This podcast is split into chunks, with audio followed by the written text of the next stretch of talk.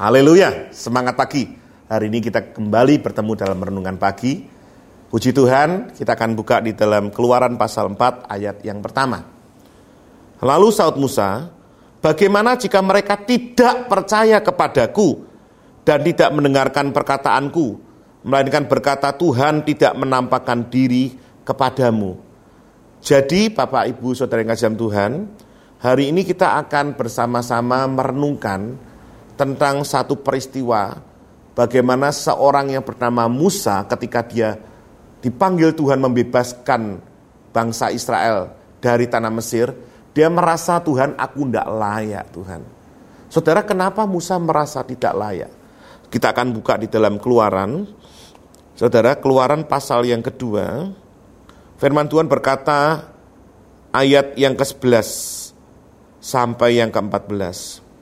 Pada waktu itu ketika Musa telah dewasa, ia keluar mendapatkan saudara-saudaranya untuk melihat kerja paksa mereka. Saya pernah katakan beberapa waktu lalu, Musa memang dibesarkan, dia diangkat memang menjadi putri Firaun, anak angkat putri Firaun, tapi dia dibesarkan oleh ibunya sendiri. Saudara, kalau saudara lihat keluaran 2 ayat 9, firman Tuhan berkata, maka berkatalah putri Firaun kepada ibu itu, bawalah bayi ini dan susukanlah dia bagiku. Ini kepada Yokebet ibunya Musa, maka aku akan memberi upah bagimu. Kemudian perempuan itu mengambil bayi itu dan menyusuinya. Siapa? Ibunya sendiri. Tetapi ayat 10 saudara perhatikan, ketika anak itu telah besar, dibawanyalah kepada putri Firaun yang mengangkatnya menjadi anaknya dan menamainya Musa karena aku telah menariknya dari air. Jadi saudara perlu tahu orang yang telah dewasa, telah dewasa, firman Tuhan katakan telah besar ya, berarti umurnya mungkin tidak lima tahun, enam tahun, mungkin menyusahkan. Putri Firaun maunya udah harus gede gitu saudaraku ya, sudah agak besar, kemudian dia dia bersama-sama dengan ini, dengan Musa yang sudah agak besar, bukan Musa yang kecil, agak besar kira-kira umur 12-13 tahun bisa ya. Ini eh, saudara bisa tafsirkan masing-masing umur yang telah besar ini ya. Tapi Musa, dia memang mengetahui bahwa dia adalah orang Yahudi. Buktinya, ayat 11, pada waktu itu ketika Musa telah dewasa, ya tadi telah besar, ini telah dewasa, dia setelah mature, saudara ya, ia keluar mendapatkan saudara-saudaranya. Dia mendapatkan saudara-saudaranya yang disiksa tadi, saudara, yang dikerja paksa. Jadi dia tahu, dia diceritain mungkin kamu memang orang Ibrani, tapi kamu diangkat menjadi putri anak angkat putri Firaun. Saudara perhatikan, ia menoleh ke sana ke sini ketika dilihatnya tidak ada orang, dibunuhnya orang Mesir itu dan disembunyikan mayatnya dalam pasir, ya. Orang Mesir itu memukul seorang Ibrani ayat yang ke-11. Perhatikan Saudara, ayat 14. Ayat 13 dulu. Ketika keesok harinya ia keluar lagi didapati dua orang Ibrani tengah berkelahi orang Ibrani ini suka berkelahi, saudara ya. Ia bertanya kepada yang bersalah itu karena mungkin tertekan ya, karena dikerja paksa itu ya. Mengapa engkau pukul temanmu? Yang bertanya Musa, tetapi jawabnya saudara, jawab orang Ibrani ini. Siapakah yang mengangkat engkau menjadi pemimpin dan hakim atas kami? Apakah engkau bermaksud membunuh aku sama seperti engkau telah membunuh orang Mesir itu? Musa menjadi takut sebab pikirnya, tentulah perkara ini telah ketahuan Ketika Firaun mendengar hal itu, dicari ikhtiar untuk membunuh Musa, saudara. Jadi Musa berkata, mengapa keluaran 4 ayat 1 muncul, apa mereka percaya kepadaku wajar. Karena dua orang Ibrani saja yang mau dibantu Musa berkata, siapa yang mengangkat engkau menjadi pemimpin kami? Jadi kalau sudah melihat historinya, jadi kita tahu mengapa Musa berkata semacam ini wajar, saudara. Biarpun Tuhan bolak-balik berkata, aku menyertai engkau, tetapi Musa merasa dia masih punya masa lalu, saudara. Dia masih punya, aku apa layak Tuhan. Dua orang yang aku pimpin aja merasa dia aku tidak layak jadi pemimpin mereka. Apalagi ini Tuhan mau bebaskan orang Mesir yang jumlahnya dua juta orang Tuhan. Apa aku layak? Saudara, kita yang tidak merasa layak Tuhan buat layak karena dia. 1 Korintus 1 ayat 25 berkata, yang bodoh dari Allah dipakai untuk mempermalukan orang-orang yang pintar. Jadi kalau saudara hari ini kita memang tidak pintar, kita memang bodoh, kita memang tidak bisa apa-apa. Tuhan mau pakai saudara. Tuhan mau pakai kita, saya yang tidak bisa apa-apa. Saudara yang tidak bisa apa-apa asal berkata Tuhan, aku minta engkau yang berkarya dalam hidupku. Pakai aku untuk kemuliaanmu Tuhan.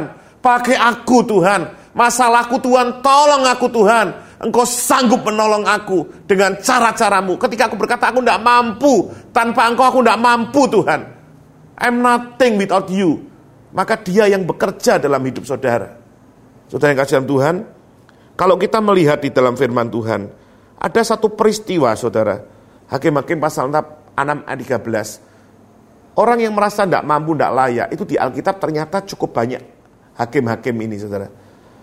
Jadi Hakim-hakim 6 ayat 13 berkata, Gideon berkata gini sama seperti Musa, Tuhanku, jika engkau menyertai aku, kami, mengapa semuanya itu menimpa kami? Di manakah segala perbuatan-perbuatannya yang ajaib yang diceritakan oleh nonak moyang kami kepada kami ketika mereka berkata, bukankah Tuhan telah menuntun kita keluar dari Mesir, tapi sekarang Tuhan membuang kami dan menyerahkan kami dari cengkraman orang Midian. Gideon juga melakukan seperti yang Musa lakukan, saudara. Padahal peristiwanya jauh.